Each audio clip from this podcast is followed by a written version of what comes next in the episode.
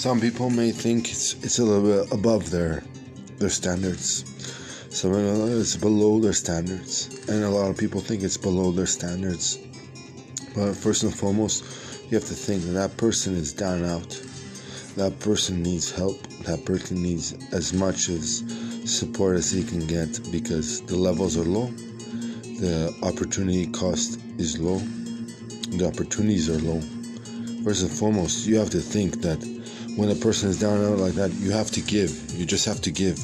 It's written in the Bible, just like that. Spare your change to the poor. You know, spare your change to the poor.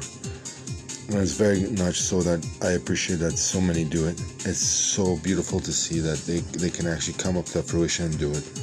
And Jesus Christ guides us on that life path to, to teach us. Don't uh, fall into those actions, but rise up above, you know. And many people just fall because they aren't strong enough. We aren't strong enough. We aren't strong enough to to take the weight of the world today. And sometimes the levels are just low, and we need those people in our lives to help us.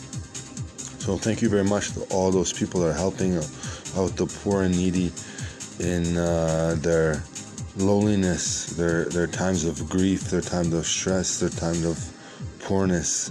It's very important that we raise those levels.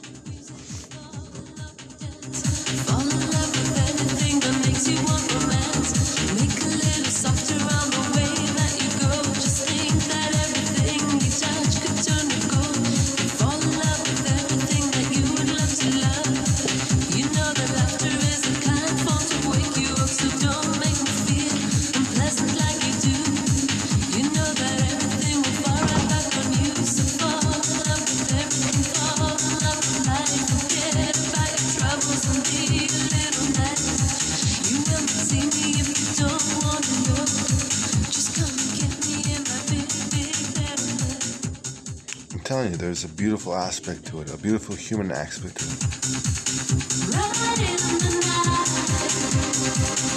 it.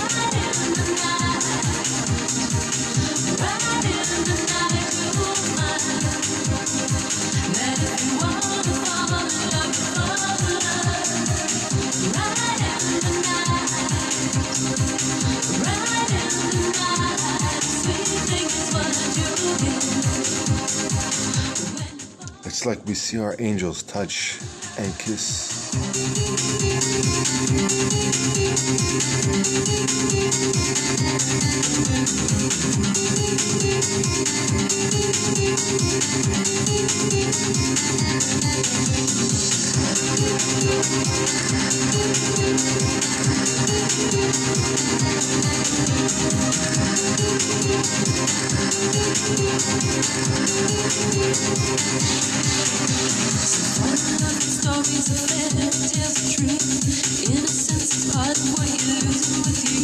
Show a little confidence, show a little class.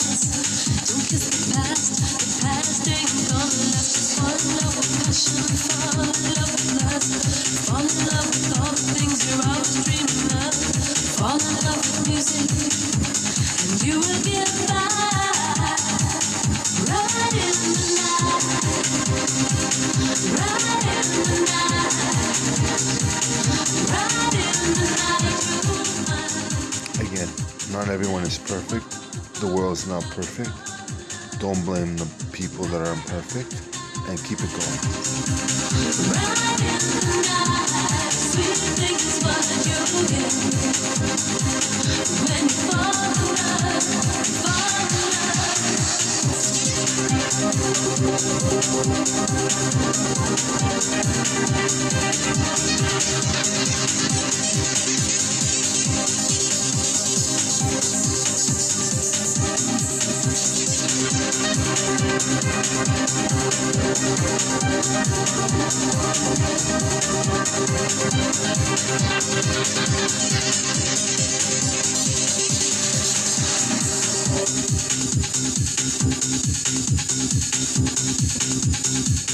Thank you for still listening.